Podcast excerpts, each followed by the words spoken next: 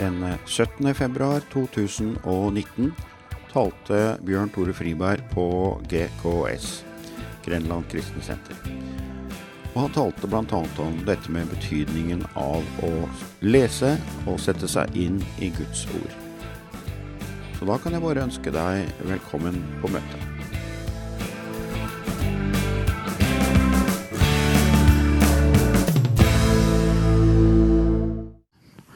Og Det er jo alltid spennende å få lov til å komme til Guds hus.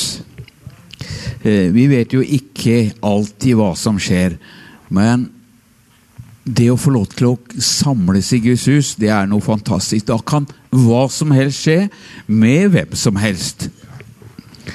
Eh, og det, det er klart at det, det, er mange ting som, som kan få vår oppmerksomhet til sånne ting. Eh, nå er det jo VM på ski, og det er mye fristende sånne ting som, som en kan være opptatt av. Og det er kjempegøy å se på. Iallfall når det går bra for de norske. Jeg er patriotisk. Men, men så er det noe som er viktigere enn det. Det er å få lov til å leve med Jesus. Og Jeg har lyst til å dele litt om det her sånn. Men, men, men for, for, at ting skal bli ordentlig, ordentlig spennende, så ønsker vi å se at Gud manifesterer seg. At tegn og under og mirakler skjer. Eh, vi ønsker at folk skal bli frelst. Halleluja. Det er det beste som fins. Å få lov til å være med og, og se at mennesker blir frelst.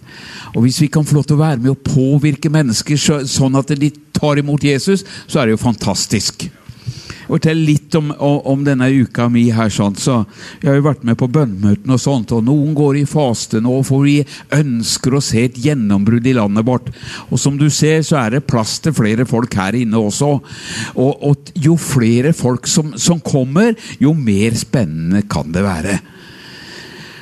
Det motiverer meg iallfall, og inspirerer meg. Så hvis du vil ha, ha ut det beste av mitt liv, så, så få med deg noen. Fyll opp salen.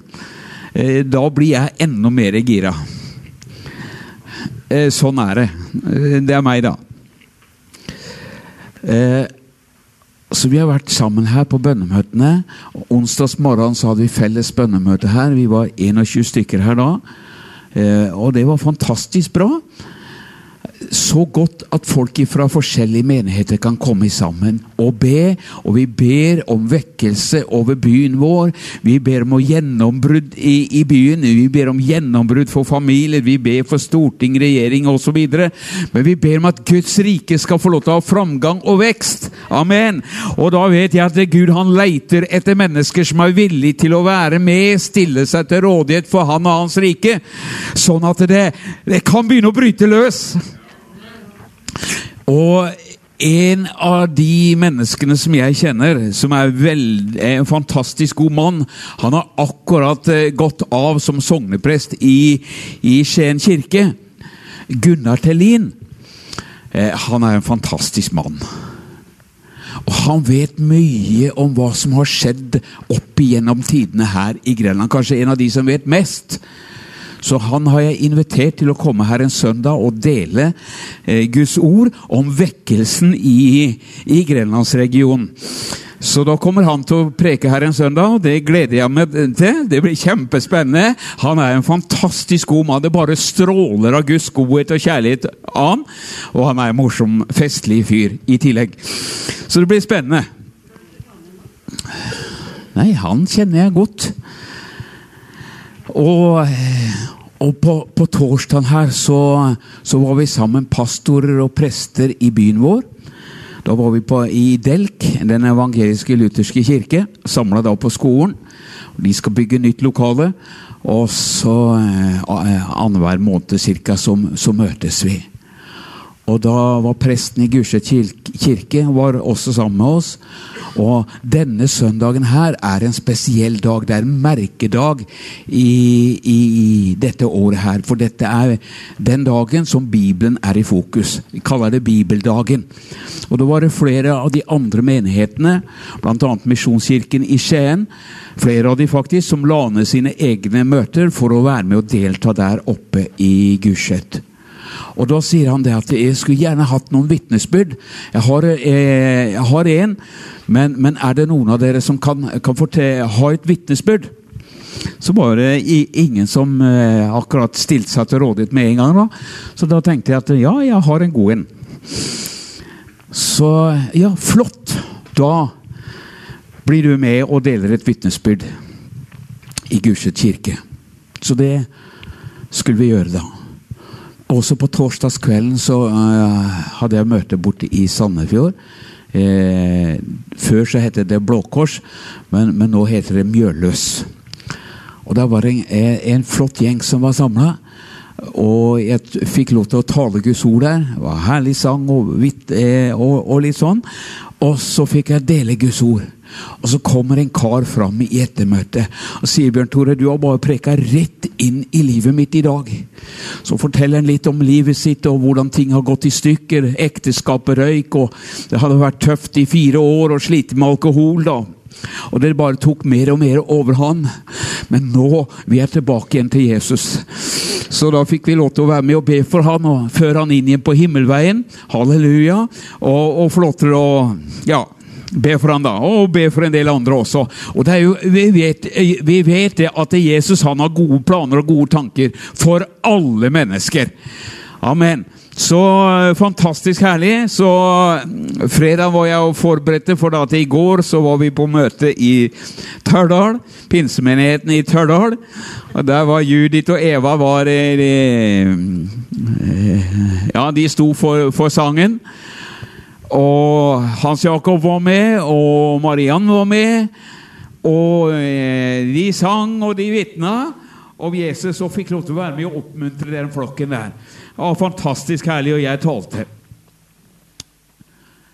Og Det er jo moro å få lov til å komme litt rundt omkring også, møte mennesker. Få lov til å være med og oppmuntre og inspirere. Det er jo herlig. Og så var det da i, i dag på Gulset kirke. Masse folk i kirken. Og jeg delte en opplevelse som forandra livet mitt. For, for, Gud talte til meg. Og, og Vi har snakka om Bibelen i dag. Så Judith og jeg ble frelst i, i, mars i 1980. Og Så begynte vi å bygge hus da på, på sommeren, våren og sommeren og utover høsten. Og, så, og da hadde jeg veldig mye å gjøre, du, for jeg ønska å få ferdig dette huset. Og, så, og, vi skulle gifte oss, til og med. Så det var om å gjøre å få ferdig huset, da. Så, så jeg sa at da hadde vi møte på lørdagen her i Skien. Så reiste Judith og svigermor ned på møte i Skien, mens jeg ble igjen da sammen med en elektriker. Og jeg holdt på inne, inne i garasjen og kledde den. Og så får jeg høre Guds stemme. Jeg mener sjøl det var for første gang. Les Johannes 3, 16. Jeg ble så overraska. Jeg hørte Guds stemme, og han ga meg et bibelvers. Og jeg eh, reiste inn, eh, slår opp Bibelen, og så leser jeg i Johannes' åpenbaring. For jeg var ikke noe godt kjent i Bibelen. Jeg leser Johannes' åpenbaring kapittel 3 og vers 16. Derfor, eh, fordi du er verken kald eller varm, men du er lunken, så vil jeg spy deg ut av min munn. Det første bibelverset jeg har fått, som kom fra himmelen, mint mint av Gud, det var dette her. Fordi jeg er lunken, så vil han spy meg ut av sin munn. Da fikk jeg syndenød. Jeg skjønte at det livet, den gaven som jeg hadde tatt imot når jeg tok imot Jesus, den forvalta jeg på en dårlig måte. Jeg prioriterte andre ting istedenfor å komme sammen med Guds folk og søke Gud og Guds rike. Så det livet jeg hadde, var i ferd med å dø. Så jeg fikk elektrikeren av gårde. Jeg heiv meg i bilen, hadde ikke tid til å skifte. Kjøre ned til Skien her, inn på møtet, midt i møtet. Der kommer jeg i arbeidsklær, og Judith hun var Ja, jeg skal ikke si hva Hun skjønte at nå er det noe på gang. Den dagen så ropte jeg til Jesus, tilgi meg, Herre. Jeg vil prioritere deg og ditt rike først. Han tilga meg, og jeg fikk en ny sjanse. Det var det jeg delte der oppe i dag. Du skjønner, kjære Gud Det beste, det største som du og jeg kan oppleve å få, det er frelse og redning gjennom Jesus Kristus. Fins ikke noe større enn det. Hørte Fini her forteller. Han har Jesus.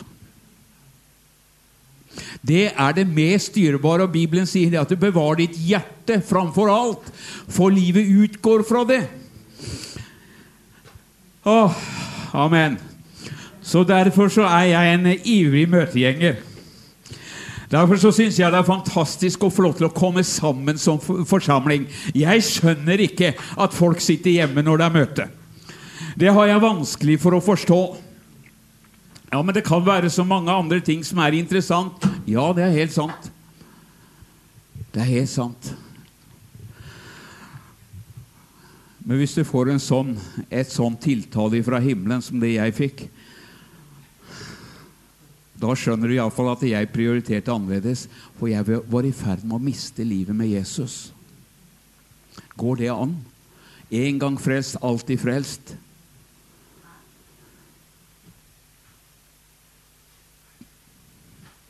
De som følger meg, de som lyder mine øh, og holder mine befalinger, de er mine venner, sa Jesus.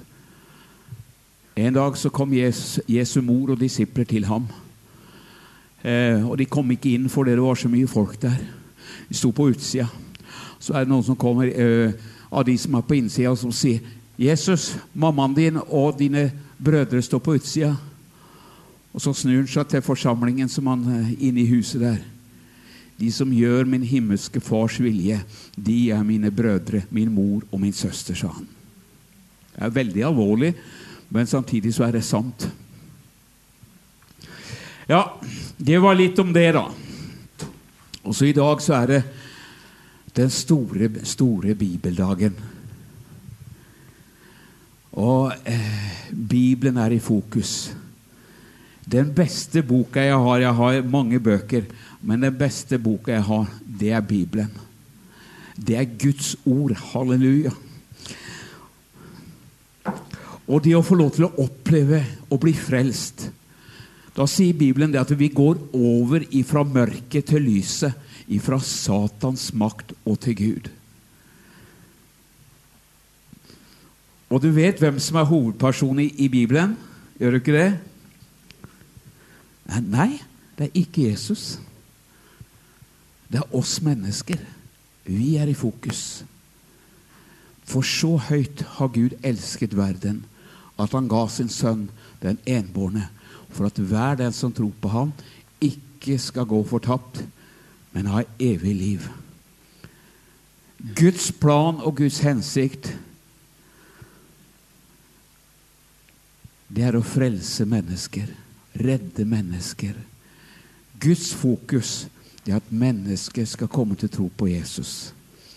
Jesus er veien, han er sannheten, han er livet. Og det er godt svart at Jesus er hovedpersonen her. Det er flott svart. Jeg hadde svart akkurat det samme. Men det er mennesker.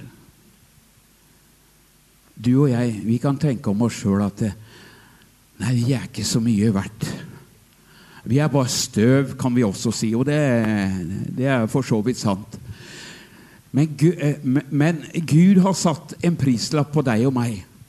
Der han sier at ett menneske er mer verdt enn hele verden.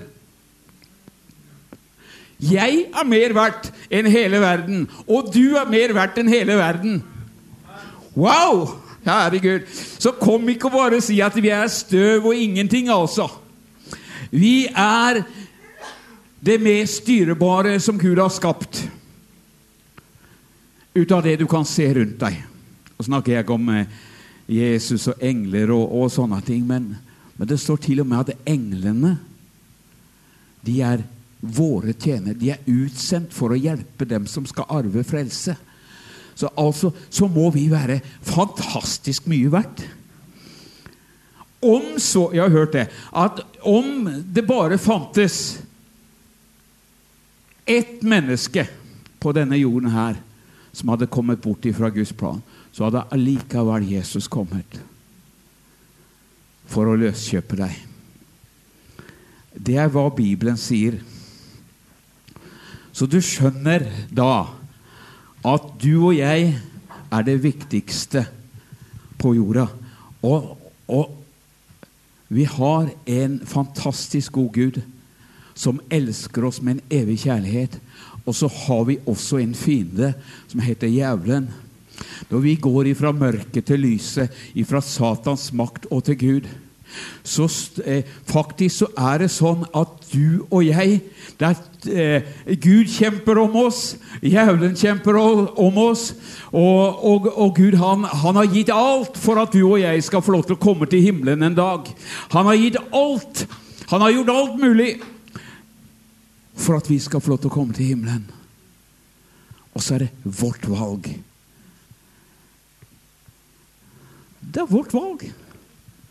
Du og jeg velger hvor vi skal tilbringe evigheten henne. Og så er det Gud gjør alt det han kan for å bevare oss. Hadde ikke Gud talt til meg i garasjen der oppe på, i Lunde den gangen, så vet ikke jeg hvor jeg hadde vært hen i dag. Og da hadde ikke du sittet her. Det er helt sant. Du hadde ikke sittet her. Det hadde ikke vært noe Grenland kristne skole her. Ja, Kanskje Gud hadde brukt noen andre. Det vet vi ikke. Men, men de valga som du og jeg tar, de har ikke bare eh, påvirkning på vårt eget liv, men det påvirker også mennesker rundt oss. Så du og jeg, vi er lys og salt i denne verden her sånn. Åh. Og så sier Bibelen Jeg skal dele litt om Guds ord i dag. Og Guds ord, det har kraft i seg.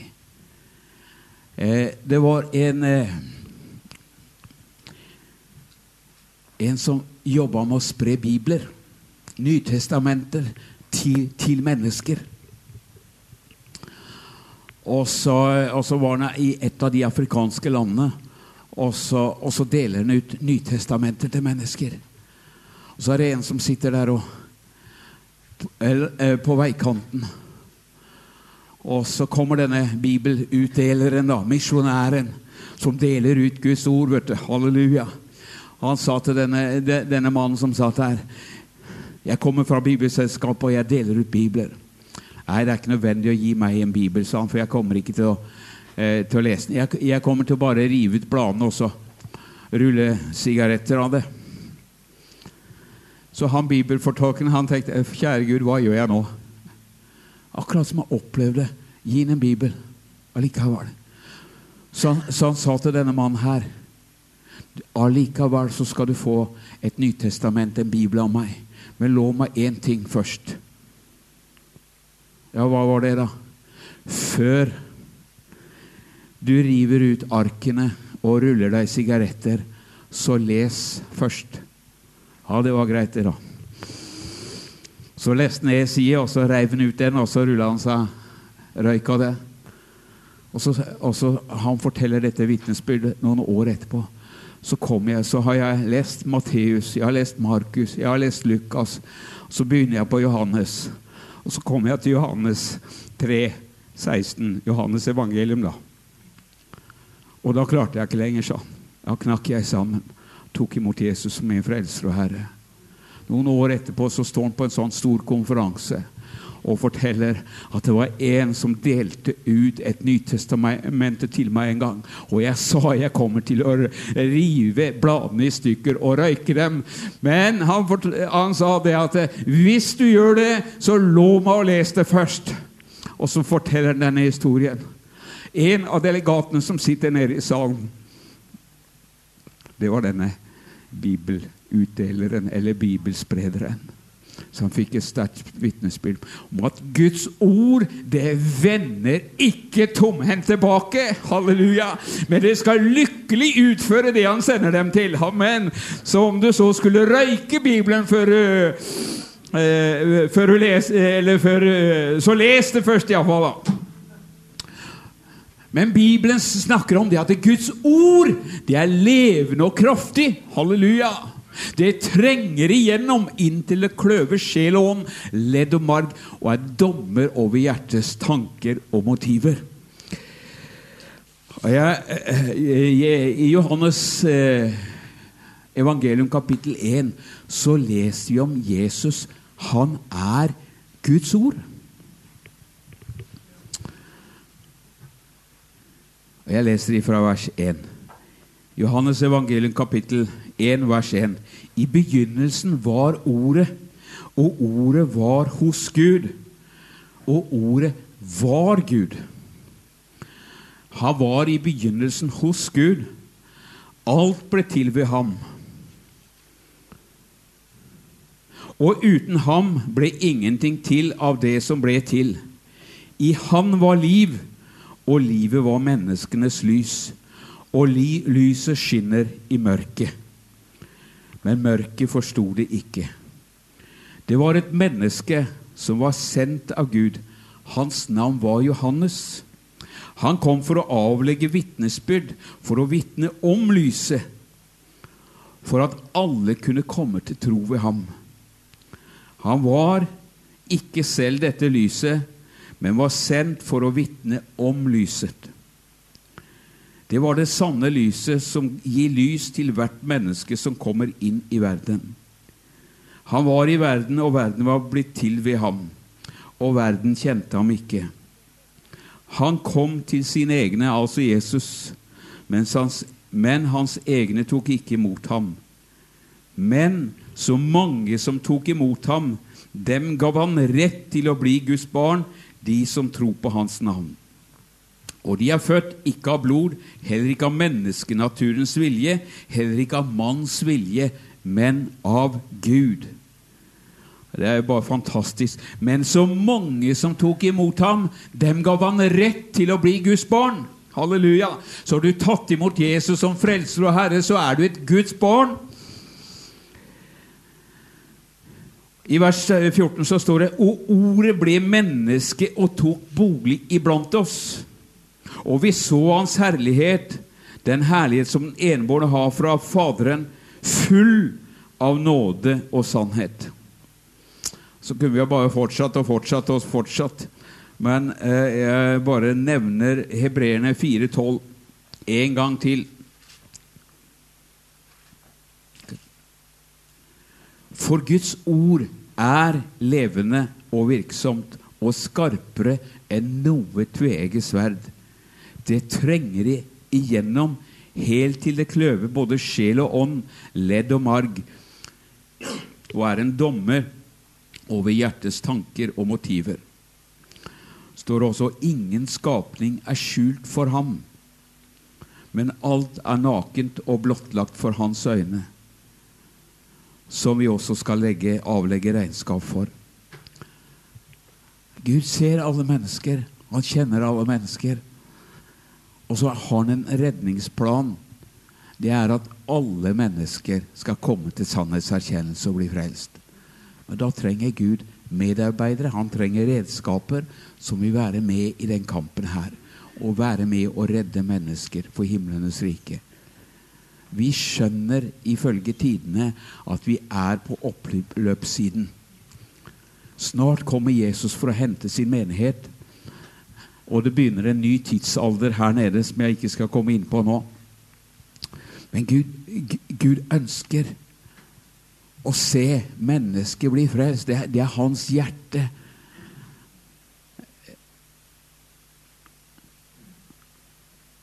Han vil ikke at noe menneske skal gå fortapt. Det er, det, det er hans hjerte.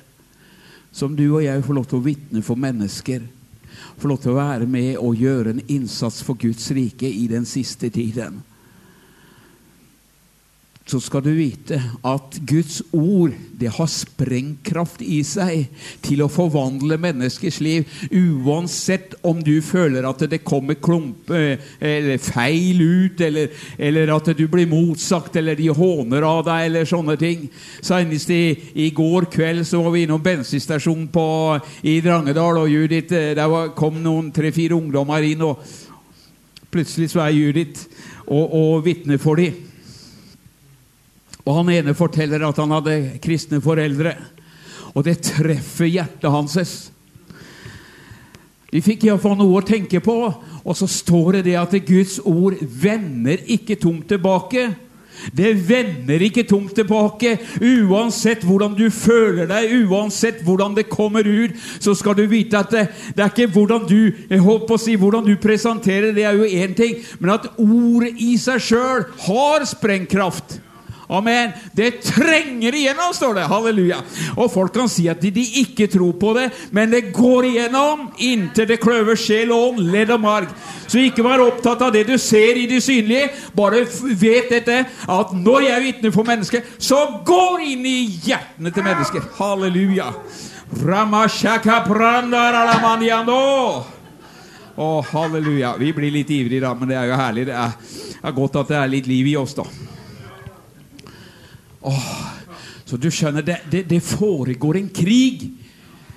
Hvis du ikke har skjønt det ennå, så foregår det en krig mellom Gud og den onde. Han er interessert i å holde så mange som mulig nede og, og føre mennesker ned i fortapelsen, ned i helvete. Mens Gud han jobber på spreng for å være med og vinne mennesker for himlenes rike. Det foregår en krig om deg og meg. Fienden han skyter sine piler på å få oss til å gi opp, få oss til å si at det ikke nytter, osv. Mens Gud jobber på spreng for å motivere deg, for å inspirere deg, for å løfte deg opp.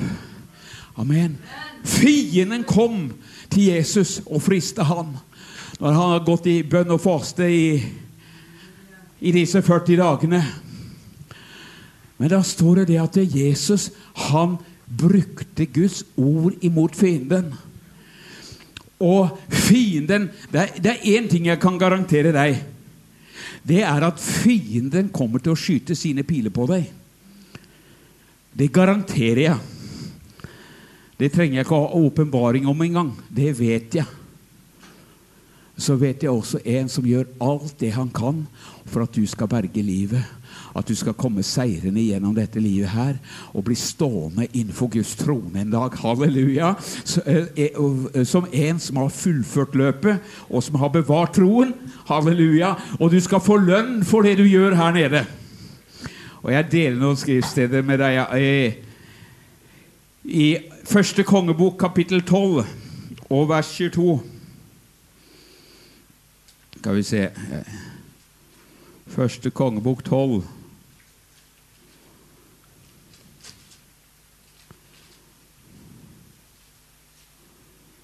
vers 22, så står det det at Men Guds ord kom til Shemaya, en Guds mann, og det lød sånn. Guds ord kommer til mennesker på samme måte som Guds ord kom til meg i garasjen. Så kommer Guds ord til mennesker i forskjellige livssituasjoner. Gud kan tale. Amen. Hvis du leser mange av profetene i Gamle Testamentet, så står det at Guds ord kom til dem.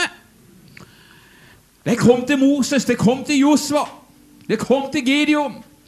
Herren er med deg, du djerve kjempe. Og Gideon følte seg svak og usel og følte seg ikke som om han kjempe i det hele tatt. Men Gud så potensialet som lå i ham, og så sier han, 'Gideon, Herren er med deg'. Åh, og det er noe helt annet. Det perspektivet Gud har over oss, det er noe helt annet enn det vi kan se i oss sjøl noen ganger. Eller fienden har skutt sine piler på oss og sier at du kan ingenting, vet ingenting, osv. Men det som ingenting er, det har Gud utvalgt seg. Halleluja, for å gjøre det vise til skamme.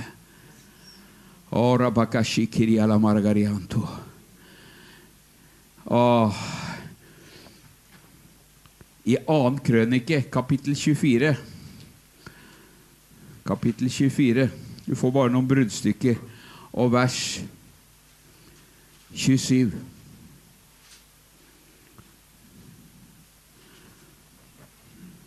Annen krønike 24,7. Om hans sønner, de mange profetordene mot ham, og hvordan Gud, hvordan han hadde satt Guds hus i stand. Og se, det er nedskrevet i historiebøkene. Skal vi se, Det var jo ikke akkurat det jeg hadde tenkt. da. Men eh, 34 Nei, jeg bomma litt. 34. Du ser det, jeg kan gjøre feil, jeg òg, skjønner du. Og det er ikke farlig, det.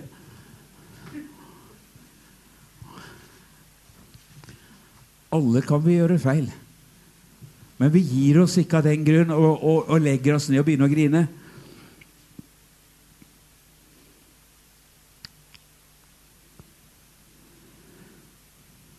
Jeg tar fra vers 5, eh, 26. Men til Judas konge, han som sendte dere for å spørre Herren om råd, til ham skal dere tale og si på denne måten. Så sier Herren Israels Gud, du har hørt disse ordene. Da ble ditt hjerte mykt, og du ydmyket deg for Guds ansikt da du hørte Hans ord mot dette stedet og mot dem som bor her. Du ydmyket deg for mitt ansikt. Derfor har jeg også hørt, sier Herren, og jeg skal sannelig forene deg med dine fedre, osv. Men når Guds ord kom til ham, så gjorde han noe. Han ydmyket seg og ba Gud om nåde og tilgivelse. Og det er nøkkel. Sånn som jeg måtte be Gud om nåde og tilgivelse. At jeg hadde prioritert andre ting enn det som var det aller viktigste. Spesielt for nyfrelste mennesker. Det er, det er bra for alle, men for, spesielt for nyfrelste mennesker så er det fantastisk godt å kunne komme til menigheten. Fordi en vet ikke så mye og har ikke så mye kunnskap, men når du får lov til å sitte under forkynnelsen, så får du åpenbaring. Så skjønner du at det er Guds ord, halleluja, det gjør noe med oss. Og det å få lov til å komme sammen som forsamling også, eh, der er en beskyttelse. Det er beskyttelse å komme til menigheten. Ja, men jeg kan jo være hjemme også. Ja, det er, det er fint å være hjemme. Men Gud, eh, Gud oppretta menigheten fordi han skjønte at vi trang det. Det er så mange som skal liksom klare seg sjøl osv. Men Gud satte i menigheten apostler, profeter, evangelister, hyrder og lærere osv. Og, så og forskjellige tjenestegaver for å bygge opp de kristne. Halleluja! Så disse tjenestegavene er, er, der og av én grunn og en hensikt. Det er å bygge opp deg. Og gjøre deg sterk. Gjøre deg til en overvinner. En som seirer. Amen. Å bygge karakter inni oss, bygge styrke inni oss, sånn at vi kan seire over den onde og bli stående etter å ha overvunnet alt. Djevelens plan det er at vi skal lide nederlag. Han skyter sine piler for å få deg eh, deprimert, syk, elendig osv. Og, og for å prøve å få deg vekk fra den veien som Gud har for deg. Det er hans plan og hans hensikt. Salme 107, vers 11. Skal vi se Salme 107. Og Det er noe, bare noe sånn fantastisk med, med Guds ord, altså. Det gjør noe med oss. Vers 11.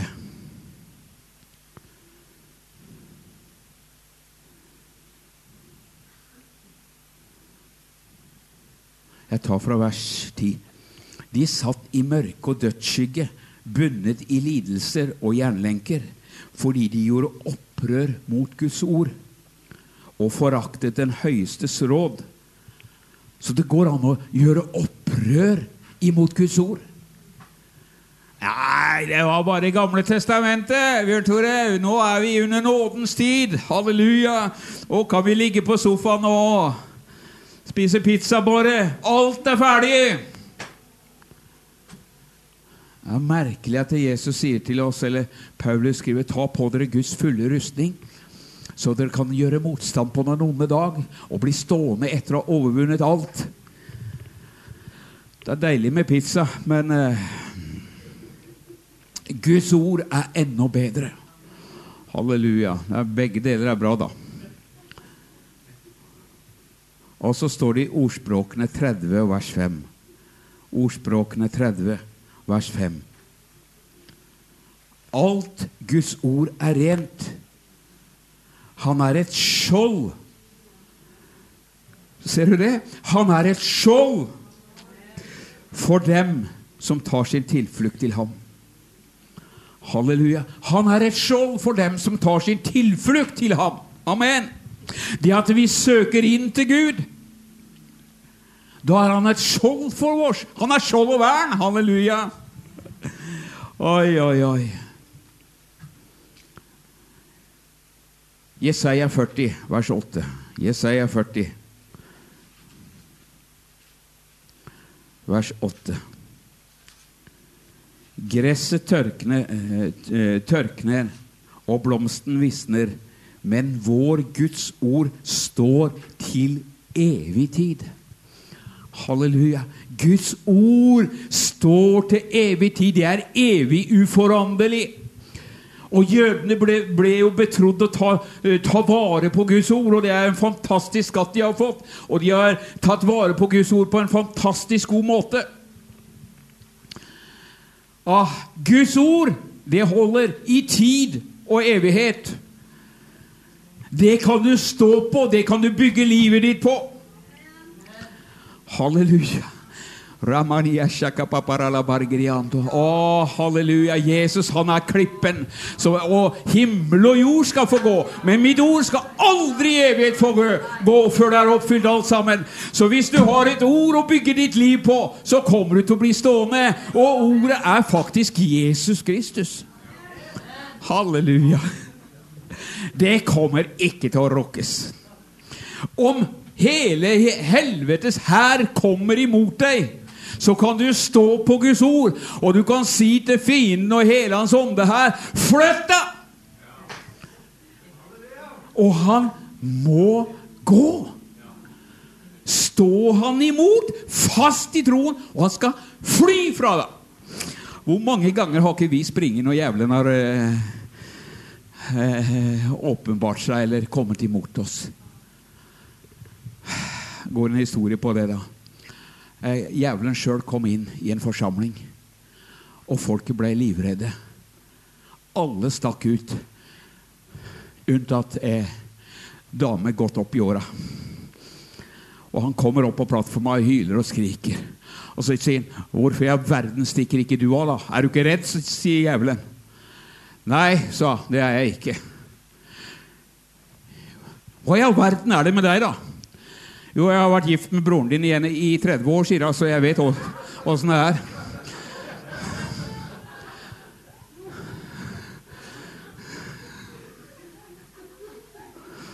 Halleluja.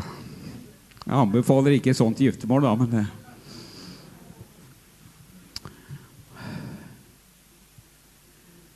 Mika, profeten Mika,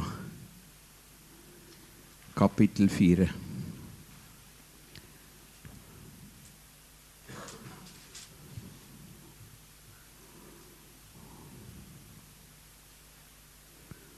Mika 4, vers 4.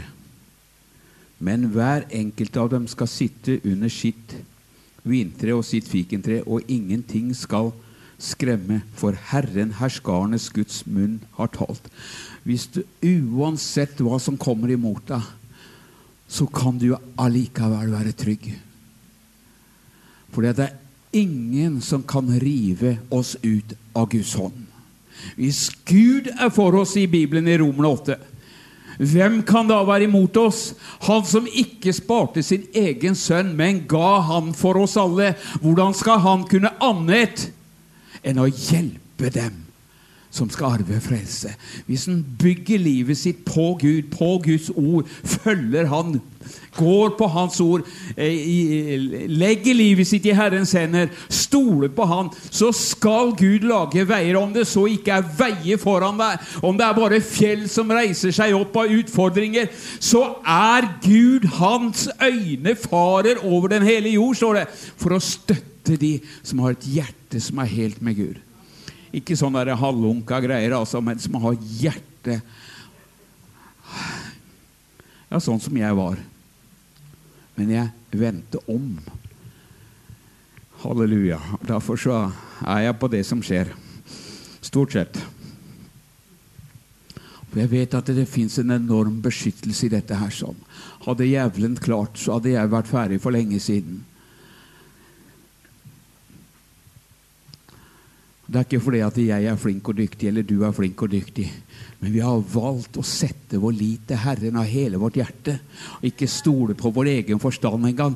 For at noen ganger sånn menneskelig sett så, så, kan det synes ut som det går under. Men hvis Gud har sagt at det går over, så går det over. Når disiplene hadde forlatt Jesus og hadde reist opp på fjellet for å være alene, da hadde de akkurat metta 5000 pluss kvinner og barn. og er fantastisk under. Og så ber disiplene å, å reise i forveien og på andre sida. Det blåser opp en stor storm. Nå skjønte jeg, nå, nå, kom jeg på at jeg skulle ta det litt rolig i kveld, Judith. Halleluja. Jeg blir ivrig, vet du. Og så går det litt fort, da. Men amen.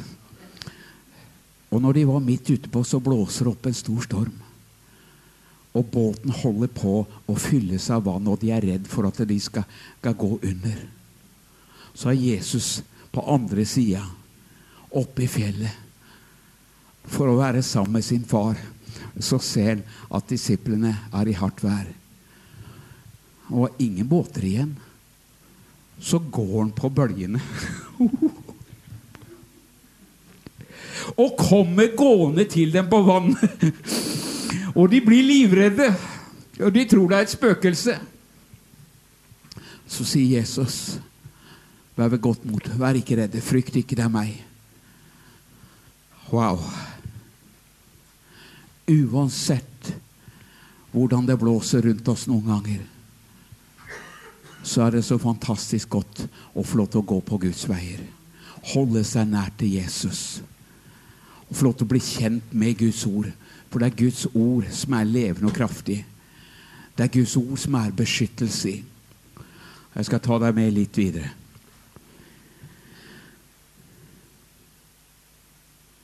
Matteus 4, 4. Det er ikke flott, da? Nå har du fått lov til å være med nesten gjennom hele Bibelen. vet du. Matteus 4, 4.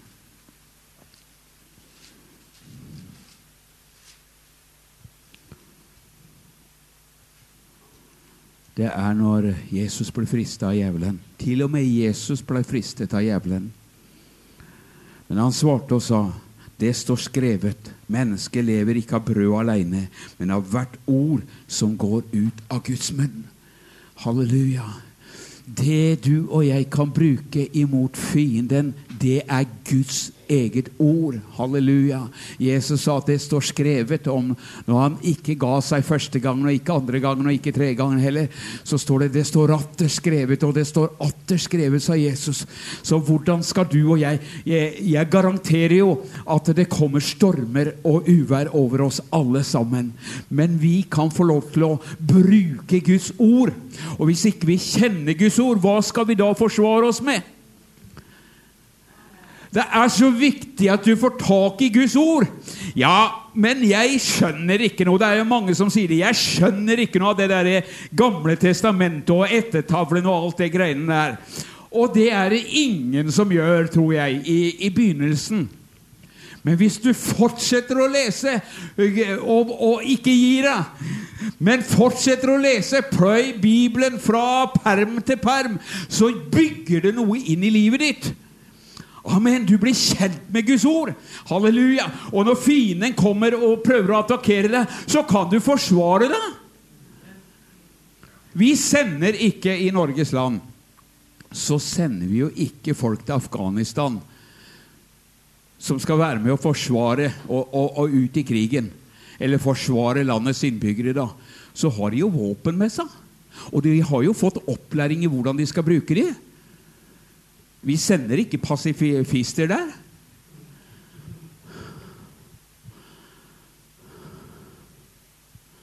Jeg arme, elendig skapning som synder daglige ord, tanker og gjerninger, den holder ikke når fienden attakkerer deg. Det holder ikke. Du må bruke Guds ord. Og Det er derfor som Bibelen er jo bare helt fantastisk. Det er veiboka vår.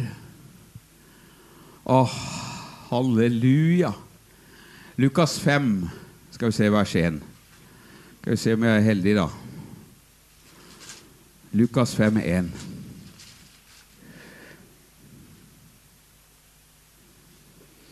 Den, det følgende hendte en gang folkemengden presset seg rundt ham for å høre Guds ord.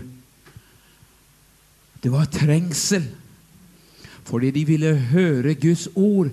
For de hadde skjønt og forstått at nøkkelen til å leve et seirende liv, det var å få tak på Guds ord. Og eh, I en av gamle, eh, Bibelens bøker i Gamle testamentet så står det, det at eh, når det gjelder Samuel, den gangen Samuel levde, så var Guds ord var dyrebart den tiden. der sånn. Det var ikke mange som hadde åpenbaring, det var ikke mange som hadde kunnskap. Så Guds ord det var sjeldent, og det var dyrebart. Og jammen så er Guds ord dyrebart for oss også. For vi ønsker jo å, å, å bli stående i seier og i framgang. Og Lukas 8, vers 11 det står om det at Guds ord det, det er som såkorn. Lignelsen er slik å forstå. Såkornet er Guds ord. Forteller om en lignelse om en mann som sådde på åkeren. Og så sammenligner Jesus dette med såkornet er Guds ord. Noe falt på steingrunn, noe falt på torner, men også noe falt i god jord. Det var fire jordsmonn. Alle fikk høre ordet. Men det var bare der eh, det var god jord, som det spirte opp og ble stående. Trengsel og vanskeligheter kom. Eller sola kom. Og de hadde ikke noen røtter i seg, så det døde. Derfor så er det så viktig å bli kjent med Guds ord, lære seg Guds ord. Uansett om du skjønner det eller ikke, så bygger det noe inn i deg. Så les Guds ord. Bli kjent med Guds ord. Halleluja. For vi ønsker jo å bli stående alle sammen. Ikke bare at vi får en opplevelse av Jesus en gang, og så tenker som så at da er, vi berga for evigheten. Vi har en fiende som vi prøver å attakkere. Og det var bare 25% av det ordet som, som hadde spirekraft nok i seg, som bar frukt. 30-fold, 60-fold og 100-fold. Det andre visna. De som falt iblant torner, verdens bekymringer og alt mulig annet som opptok dem. Og så mista det sin effekt, og så døde det. Det var ikke noe feil med såkornet, men det var noe feil med hjertene som tok imot det. Og vi kan også bli så opptatt av så mange ting, av det som denne verden har, og alt det som glimrer og ser så flott ut. Men ett er nødvendig, sa Jesus til Martha. Maria har valgt den gode del, og det skal ikke bli tatt ifra henne.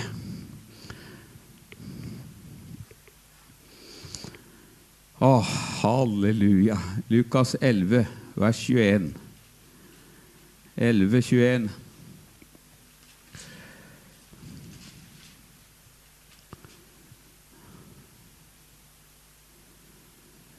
Men når en sterk mann, fullt bevæpnet, vokter sin egen gård, vil hans eiendom få være i fred.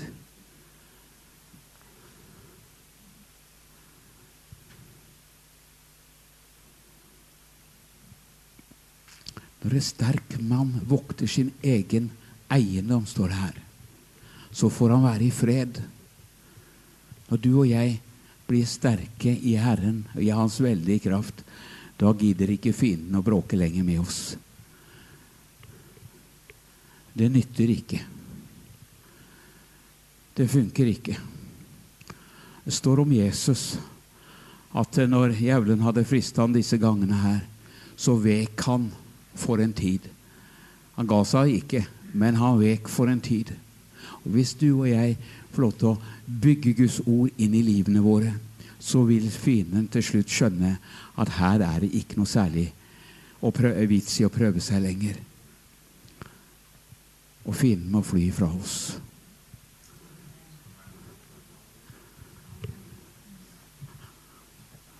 Jeg hadde Jehovas vitner på besøk. De har vært på besøk hos oss en del ganger.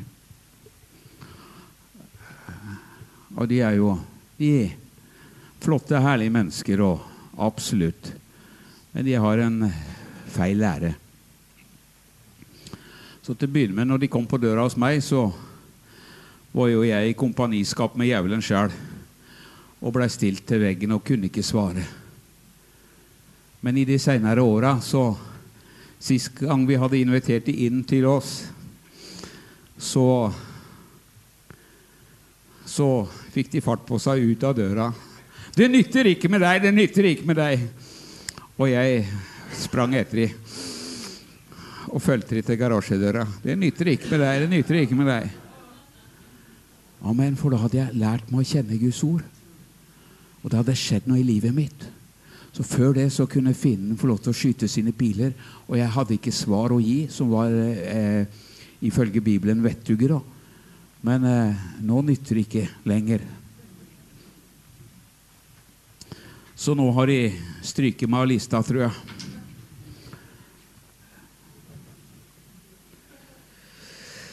Å, kjære Gud. I vers 28 så står det Men han sa det er eh, eh, mer enn det. Det er eh, Salig er de som hører Guds ord og tar vare på det. Det går an å høre Guds ord uten å ta vare på det. Men, men som Gud talte til, til Josva, f.eks. Ta dette ordet, spis det grunn på det, så det blir en del av deg. Det, det holder ikke med bare eh, hodekunnskap, men det må bli en del av deg. Det må bli levende. Og det er for seint å ta til seg Guds ord når, eh, når fienden skyter sine piler på oss. Da er vi litt seint ute. Og vi kan lide nederlag. Men hvis vi er klare og har gjort forarbeidet, og fienden kommer, så skjønner det at pilene har ingen effekt på oss lenger. En av de som har blitt skutt mest piler på i hele Norges land, det er jo Jan Hanvold, tror jeg. Eh, men han står enda. Og nå måtte politikerne erkjenne og innvilge at de får lov til å være der i to år til i bygget. Kommunen ville hive de ut. Men nå har de snudd, og de får være en og to år. Og Jan Hanvold har jo solgt bygg i tillegg, da, så, men de skal være der i to år til.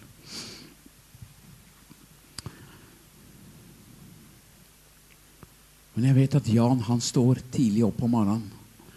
Han går sine turer om morgenen og ber til Gud. Han leser sine ti kapitler om dagen for å bygge en Guds ord. Sånn at når fienden våkner, så har han allerede vært våken en periode. Eller en stund. Halleluja. Det gjelder å være tidlig oppe, sier han da. Sånn at jeg får tid til å søke Gud. Jeg får tid til å be. Jeg får tid til å ha fellesskap med Gud. Og han vet jo selvfølgelig, idet han eh, nesten slår opp øynene om morgenen, så vet han det at eh, fienden er klar for å angripe på alle forskjellige slags mulige måter. Og spesielt hvis han kan bruke de kristne, da, så sårer jo mest. Apostlenes gjerninger 4, 31. Fordi at det er alle som vil leve gudfryktig Det er noe Jesus garanterer. De skal bli forfulgt.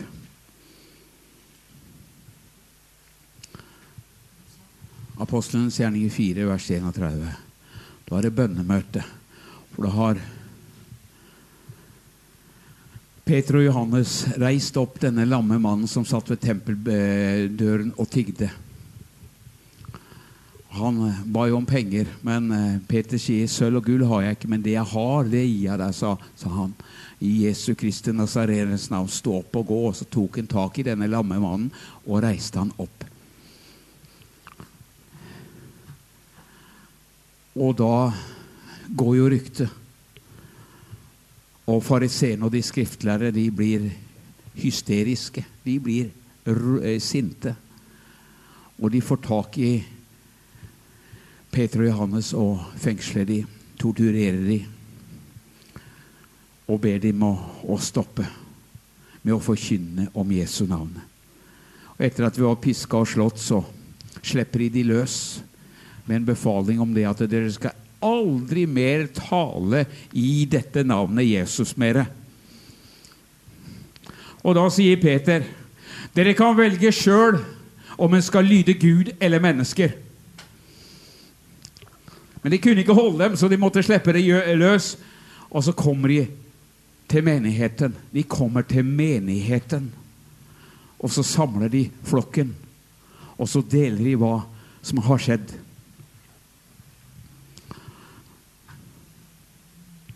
Og så har de bønnemøte fra vers 23 og 20, leser jeg. Apostelens gjerning 4.23.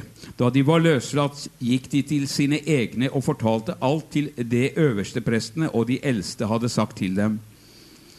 Da de hørte dette, løftet de samstemmig sin røst til Gud og sa:" Herre, du er Gud, som har gjort himmelen og jordet, jorden og havet og alt det som er i dem. Du som ved din tjener Davids munn har sagt:" Så hoppa jeg til vers 27. For i sannhet, de samler seg sammen imot ditt, din hellige tjener Jesus, han som du salvet både Herodes og Pontus Pilatus, sammen med hedningefolk og Israels folk, for å gjøre det som din hånd og ditt råd på forhånd, forhånd hadde bestemt skulle bli gjort.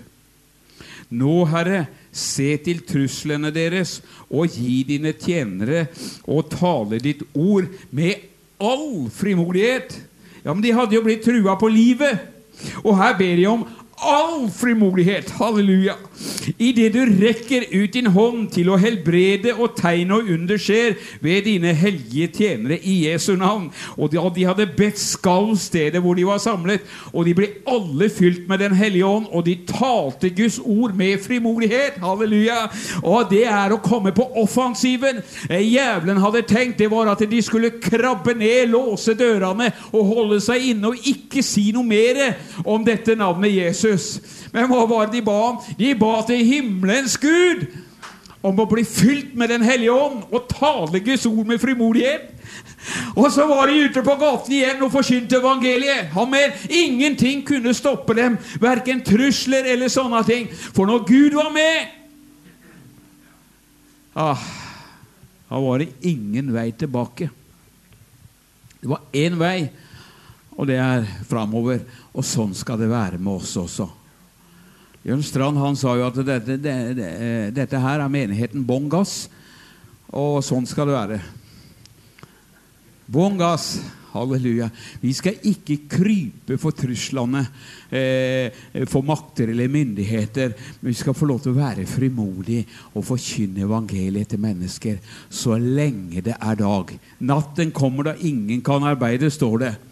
Så det kommer en dag der det er over, og vi skal hjem. Men inntil da så kan vi stille oss til rådighet for Gud og Guds rike. Ja, men da blir jeg skytig på, da. Velkommen i klubben.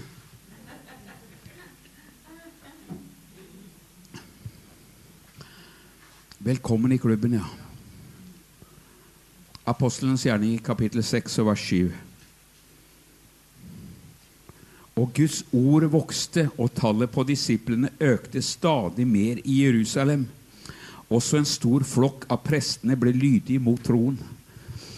Og når til og med prestene blir lydige mot troen, da Hvis det hadde vært Åge Samuelsen som hadde stått her nå, så hadde han kommet med noen fine salver, men det skal ikke jeg gjøre.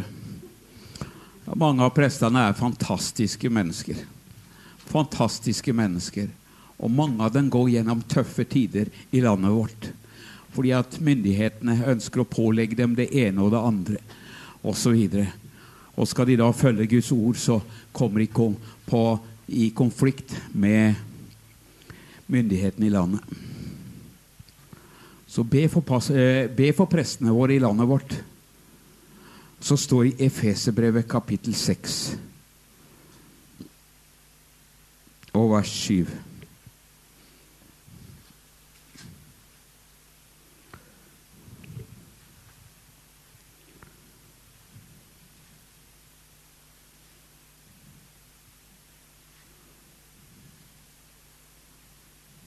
Jeg leser fra vers 5. Ja. Dere slaver, vær lydige mot dem som er deres jordiske herre, med frykt og respekt i hjertets oppriktighet, som for Kristus. Ikke med øyentjenester som slike som bare vil gjøre mennesker til laks, men som Kristi tjenere som gjør Guds vilje av hjertet. Og vi er Kristi tjenere. La oss få lov til å gjøre Guds vilje av, hele vårt hjerte. Halleluja. Gjør deres tjeneste med velvilje, som for Herren og ikke for mennesker. Og dere vet at alt det en gjør, skal enhver få igjen av Herren, enten en er slave eller fri. Amen. Det kommer en lønningsdag. Når vi skal hjem. Halleluja. Og, vi, og, jeg tror også her i tiden så får vi lønn. Her i tiden så opplever vi Guds velsignelse over våre liv. Her i tiden så kommer Gud til å lønne oss og belønne oss og velsigne oss. Halleluja. Ikke bare i evigheten, men også her. Den som har forlatt far eller mor eller bror eller søster for mitt skyld, eller åker for mitt skyld, han skal få hundrefold igjen. Her i tiden. Amen og evig liv. Halleluja. Så det er verdt å kjempe for. Det er verdt å ta vare på Guds ord. Det er verdt å være et vitne. Det er verdt å ofre noe av de fornøyelsene som, som, denne verden her har å tilby. Det står at det syndens lønn er døden. Men Guds nådesgave er, nådesgave er evig liv i Kristus Jesus, vår Herre. Tenk å få lov til å leve i all evighet sammen med Gud. Halleluja. Det, det, det, det, jeg bare profeterer at det kommer til å bli fantastisk. Ingen synd, ingen sykdom, ingen jævel.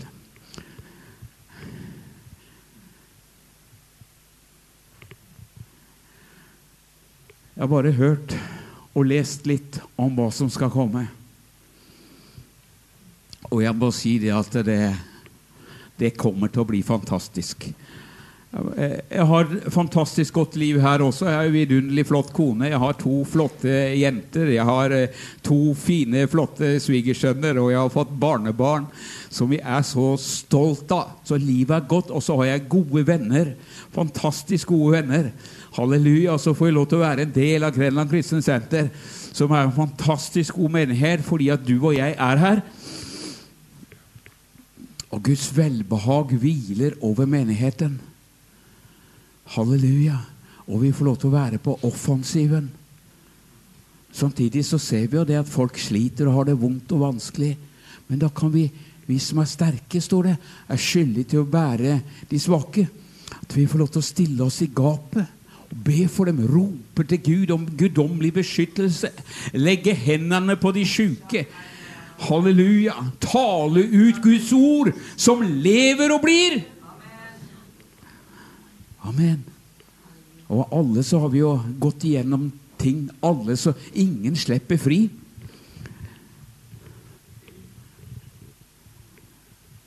Ingen slipper fri.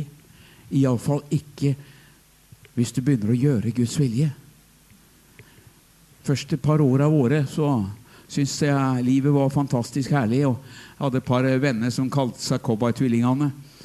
De hadde stadig problemer og vanskeligheter. Dårlig med penger og litt av hvert sånt noe. Men det syns jeg ikke vi hadde. Inntil vi også begynte å bli litt ivrige. Ah, da skjønte jeg hva de mente. Men så lenge vi ikke er farlige for jævelen, så lar han oss være i fred. Det er ikke noe vits i å bruke kruttet på dietter. Det gjør jo ikke noe allikevel. Men når vi begynner å reise oss opp og begynner å ta ansvar, da kommer kulene. da kommer pilene. Men da sier Bibelen at vi skal ikle oss Guds fulle rustning. Halleluja. Og, ble, og, og, og stå fienden imot, fast i troen. Han skal fly fra oss. Efeserne 6,10 og utover. Ta på Guds fulle rustning. Og så er det noen som skjønner, eh, ikke skjønner det at Wow, hvorfor får jeg så mye problemer og vanskeligheter nå som jeg er en kristen? Jeg har jo hørt det at det kom til Jesus, så er alt over. Så skal du leve eh, lykkelige dager resten av ditt liv. Det er noen som har vært litt ivrig når de har forkynt evangeliet. da. Og tatt litt godt i. Men, men, men det er ikke sant. Vi, vi, møter motstand. Vi har en fiende som gjør hva som helst for å dra oss tilbake, for å få oss ned, for å få oss deprimerte, for å få lei oss. For helst få oss til å sitte på sidelinjen, sitte hjemme og synes synd på seg sjøl og tenke at nei, jeg orker ikke å være en del av noe menighet. Det er jo bare konflikter.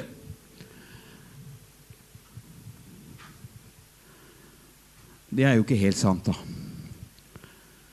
Men det er konflikter når vi skal omgås andre mennesker.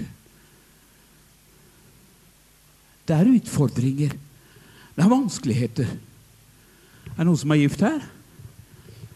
Ja. Har, du, har, har dere møtt problemer i ekteskapene deres?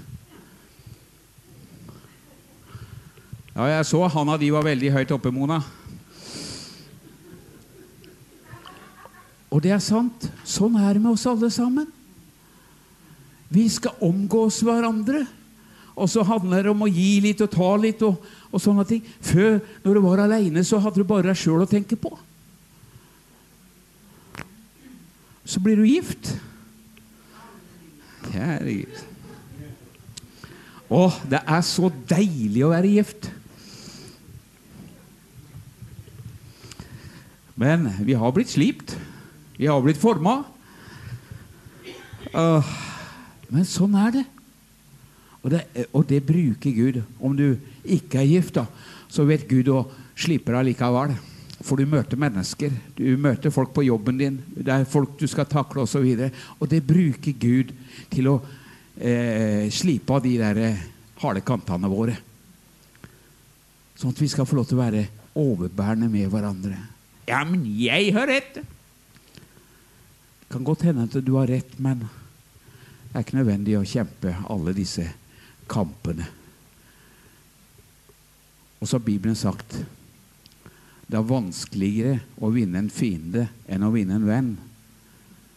Så vær litt overbærende med hverandre. Nå vet jeg at dere er det her, da. Eh, dere er enestående. Fantastiske. Men, men det er ikke nødvendig Iallfall så har jeg skjønt det. da. Det er ikke nødvendig å bråke med Judith bestandig. Ikke om bagateller, iallfall. Da må det være ting som er verdt å kjempe for, da. Men, eh, men da vet jeg at jeg får bryna meg òg, da.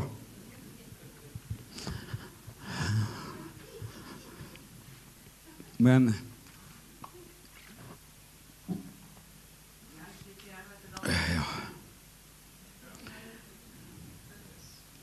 Hebreerne 11, vers 3. Hebreerne 11, vers 3. Ved tro forstår vi at verden ble formet ved Guds ord. At de ting som ses, ikke ble til av det synlige. For Bibelen sier 'Han talte, og det skjedde'. Han bød, og det sto der. Guds ord har skaperkraft i seg. Og når du og jeg får Guds ord bygd inn i våre liv, og vi begynner å tale ut Guds ord, og vi begynner å velsigne mennesker og vi eh, taler Gud, ut Guds ord over mennesker. Halleluja. Og vi er kalt til å velsigne, ikke til å forbanne. Vi som er kristne, vi skal ikke forbanne, vi skal velsigne. Til og med våre fiender. For hvis vi begynner å forbanne mennesker, makter og myndigheter, da har vi blitt lurt. For da gjør vi fiendens ærend. Sånn som når Jesus kommer til Samaria, og de ville ikke ta imot ham fordi at ansiktet, han var, var, ansiktet hans var vendt mot Jerusalem, så ville ikke ta imot Jesus.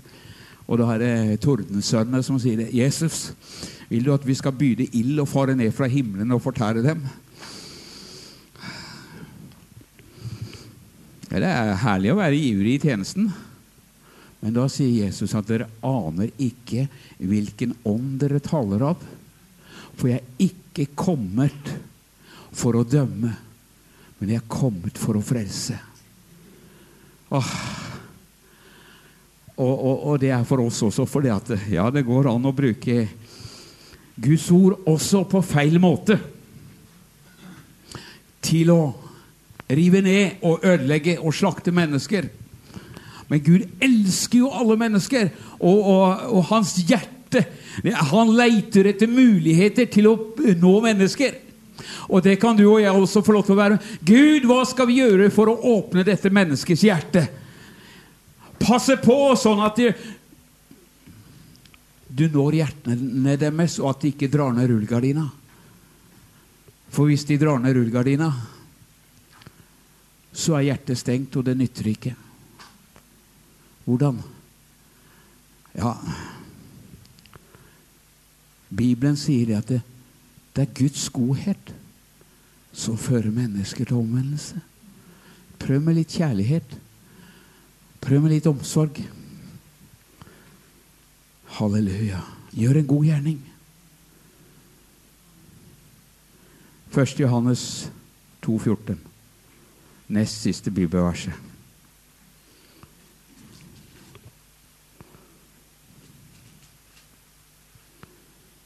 Men dette her, det er bra.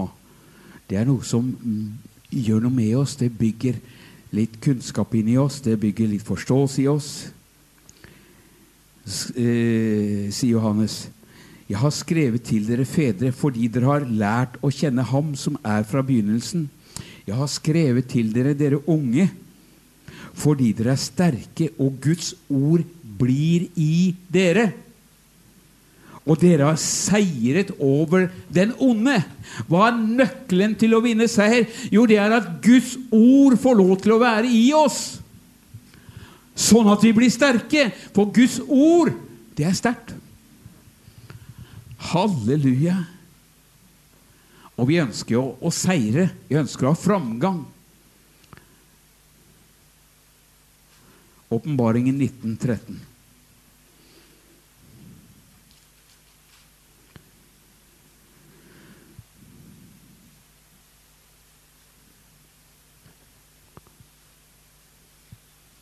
1913.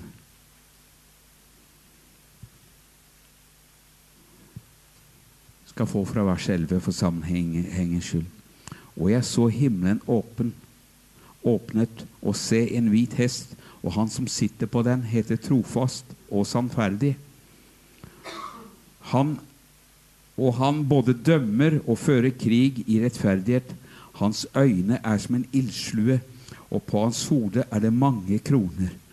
Han har et navn skrevet som ingen kjenner uten ham selv. Han er kledd i en kjortel dyppet i blod, og hans navn er Guds ord. Det er Jesus Kristus. Hans navn er Guds ord. Så skal du bli kjent med Jesus, så spis Guds ord. La du få lov til å bli en del av det. Amen. Sånn at det er når fienden attakkerer, så vet du hva du skal bruke. Til og med Jesus brukte Guds ord.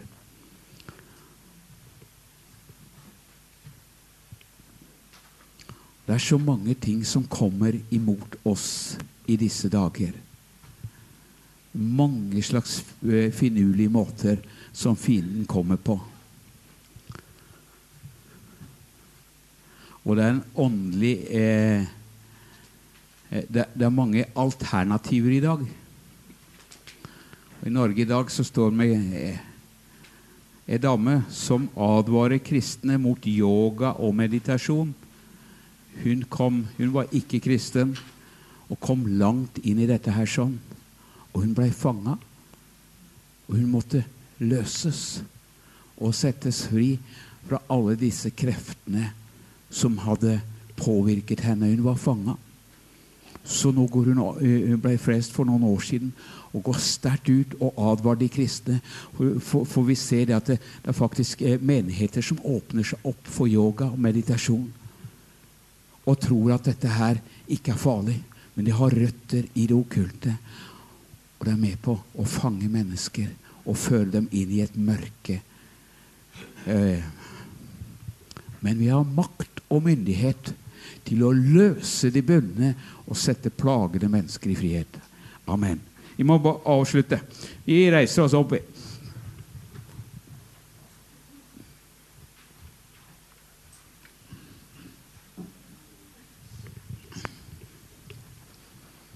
Er du her som trenger forbønn, så vil vi gjerne stå sammen med deg og be meg da. Er du her som ikke kjenner Jesus, så er vi selvfølgelig vi gjerne få lov til å lede deg inn på himmelveien. Er du her som har utfordringer i legem, legemet ditt, så, så står vi gjerne sammen med deg. Vi vil være med og be for deg, hjelpe deg. Og det kan vi gjøre. Absolutt. Og det vil vi gjerne gjøre. Den beste oppskrifta du kan få, den har du fått her i kveld med å la Guds ord få lov til å komme inn i ditt liv. Bli rotfesta og grunnfesta i Guds ord, så ikke fienden kan røre deg. Men at vi kan få lov til å seire etter å ha overvunnet alt som det står. Himmelske Far, vi bare takker og priser deg for denne fantastiske kvelden, Herre. Takk, Jesus, for du har gitt oss ditt ord, og du er Guds ord. Halleluja. Vi takker deg, Jesus, for at vi får lov til å bygge livet vårt på Guds ord. Halleluja.